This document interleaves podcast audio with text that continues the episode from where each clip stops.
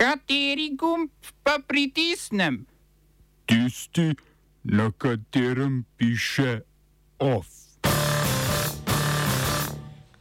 Frontex sodeloval pri nezakonitih pushbackih. Protesti proti vojaški vladi v Gvineji. Konsens med panamsko vlado in protestniki. Dogovor Evropske unije o vrčevanju s plinom.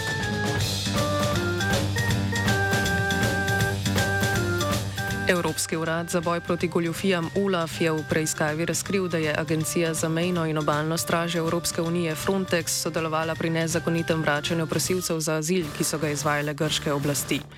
S preiskavo so v uradu ULAF ugotovili, da so v najmanj šestih primerih vračanja beguncev v Turčijo sodelovale ladje grške obaljne straže, ki jih je neposredno financiral Frontex. Prav tako je Frontexovo letalo avgusta 2020 posnelo ladjo grške obalne straže, ki je čovn s približno 30 migranti na krovu odvlekla proti turškim vodam, čeprav bi jih morala odpeljati na grško obalo.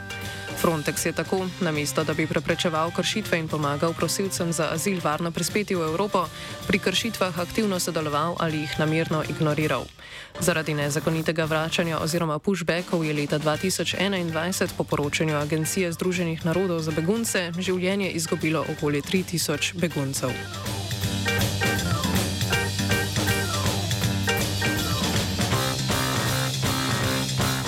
Včeraj so v Konakriju, glavnem mestu Gvineje na zahodu Afrike, izbruhnili protesti proti trenutni vladi, ki jo je od oktobra lani vodi vojska. Protestniki so od vojske zahtevali dokončno ukinitev vojaške uprave in vrnitev k civilnemu vodenju države. Protestom so pozvale nekdanje parlamentarne stranke, med drugim tudi nekdanja vladajoča stranka Združenja gvinejskega ljudstva. Vojska vodi državo od oktobra lani, ko je s pučem odstavila dolgoletnega predsednika Alfa Kondeja, potem ko je ta spremenil ustavo, da bi bil lahko izvoljen v svoj tretji mandat. Mesto začasnega predsednika od takrat zaseda polkovnik Mamadi Dumbuja.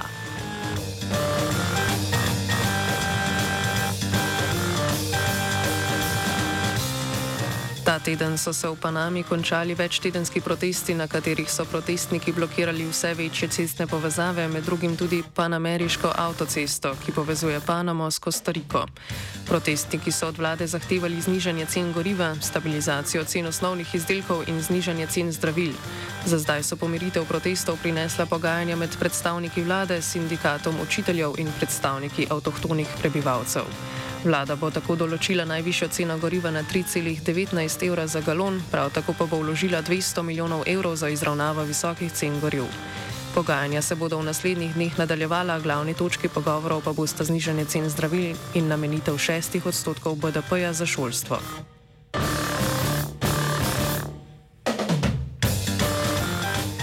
Iz Srednje v Južno Ameriko. Venezuela in Kolumbija bosta ponovno obnovili medsosedske odnose, saj bosta v prestolnico vsaka poslali svojega ambasadorja.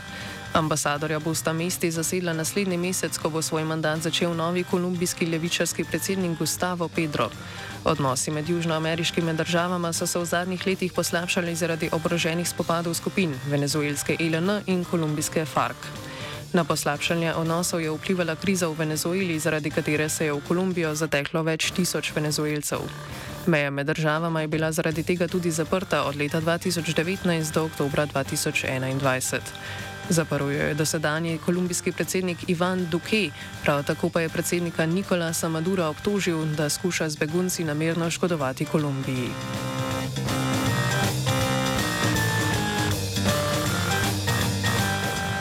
Ministri za energetiko držav članic EU so v Bruslju dosegli dogovor o zmanjšanju porabe plina za 15 odstotkov. Vse države, z izjemo šestih, morajo do marca 2023 doseči znižanje. Malta, Cipr in Irska so izuzeti, ker njihova poraba plina ne vpliva na preostale članice. Balske države pa zaradi za Evropsko unijo nadpoprečno odvisnosti od ruskega plina. Dogovor tudi omogoča bodočo uvedbo obveznega zmanjšanja porabe, ki pa bi jo morale države članice sprejeti s kvalificirano večino, torej s 15 glasovi. Znižanjem bi po predvidevanjih komisije privrčevali 45 milijard kubičnih metrov plina, s čimer bi povečali zaloge za zimo. V Bruslju trdijo, da je bistvo predloga solidarnost med, med državami, saj so gospodarstva članic med seboj močno povezana in bi padec cene pomenil padec za vse. Tri kritiki uredbe trdijo, da gre za ukrep, ki je po meri Nemčije, saj je ta najbolj odvisna od ruskega plina, medtem ko bi druge članice ukrep prizadel po nepotrebnem. Kot najglasnejši kritik se je izpostavila Mačarska. Njen zunani minister Peter, Peter Sijarto je dejal, da uredba popolnoma ignorira interese Mačarske.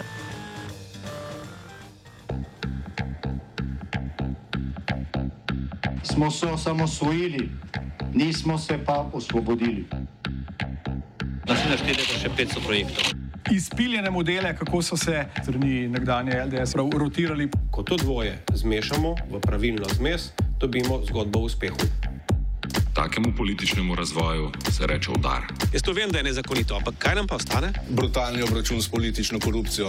To je Slovenija, tukaj je naša zemlja, to je Slovenija, Slovenija.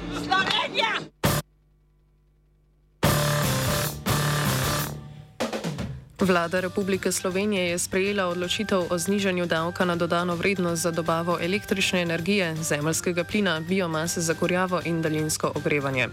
Znižanje velja za vse uporabnike, nova stopnja DDV-ja pa bo 9,5 odstotka. Stara je bila 22 odstotkov. Ministr za finance Klemen Boštjančič je dejal, da je ukrep začasne narave trajal bo od 1. septembra letos do 31. maja 2023. Pri dveh verih energije se vlada za ukrepe ni odločila. Prvi je korilno olje, za katero je znižanje DDV-ja zaradi direktive Evropske unije nemogoče. Kot doda Boštjančič, gre za komplementarni ukrep. Znižjem DDV na elektriko in zemljski plin dopolnjujemo ukrep regulacije cen električne energije in zemljskega plina, kjer smo zamili najvišjo maloprodajno ceno, torej gre za komplementaren ukrep. Kljub začasnosti ukrepa si vlada pušča možnost podaljšanja. S tem se bodo po besedah ministra ukvarjali spomladi. Prihodke države se bodo tako za obdobje trajanja ukrepa zmanjšali za okoli 130 milijonov evrov.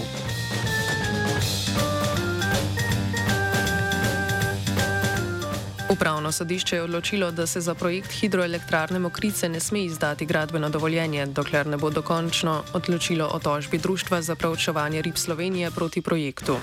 Sodišče je tako ustavilo namero investitorjev, ki so kljub tožbi skušali od Ministrstva za okolje in prostor pridobiti delno gradbeno dovoljenje in tako začeti z deli pri hidroelektrarni. Kot nam pove predsednica Društva za pravčevanje rib Slovenije Andreja Slameršek, bi gradnja nove hidroelektrarne na Savi popolnoma uničila območje Nature 2000 na spodnji Savi.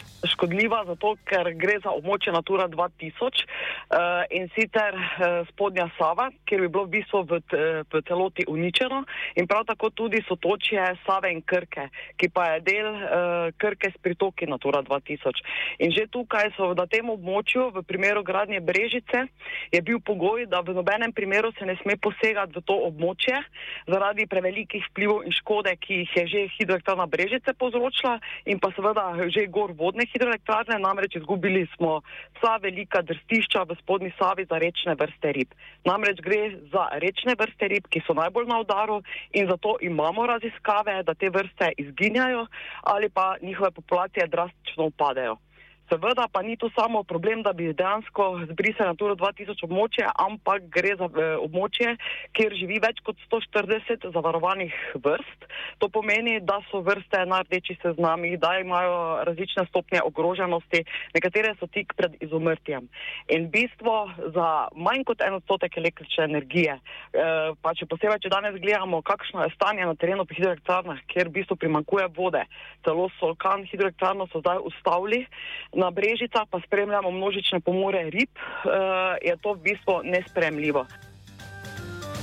Kot še povdari Slameršek, si je za gradnjo hidroelektrarne najbolj prizadeval bivši minister za okolje in prostor Andrej Vizjak, ki je za potrebe gradnje spremenil tudi zakone. Pod novo vlado pa po mnenju sogovornice prav tako ni videti spremembe. Da smo zgroženi nad tem, da v bistvu dejansko uh, na Ministrstvu za okolje in prostor smo pod prejšnjo vlado bili priča, da Andrej Vizjak, predstavnik iz energetike, uh, vodi v Ministrstvo za okolje in prostor in si prizadeval za projekt Hemokrice, ki, za katerega je bil odgovoren v svoji prejšnji in zdaj verjetno že tudi sedanji službi uh, in je bil neuspešen. To je reševal na način, da je razgrajeval in spreminjal zakonodajo na tak način, da je to postalo zdaj ena velika kolobocija, uh, kjer v bistvu so same težave. Zdaj pa so še večji alarmi, namreč zdaj pa imamo spet predstavnika energetike, ki pa je celo predsednik vlade, to je Robert Golop. In uh, še kar nas lahko bolj skrbi, je to, da ima namen Ministrstvo za okolje in prostor, sektor okolje, prenesti na energetiko, se pravi Ministrstvo za uh, energetiko in okolje, kar pomeni, da zdaj si investitorji sami pišejo presoje, zdaj pa, če se bi ta uh, še zgodilo to, da bi šlo okolje na energetiko, bi pa še sami sebi izdajali soglasja. OF je pripravil premrov.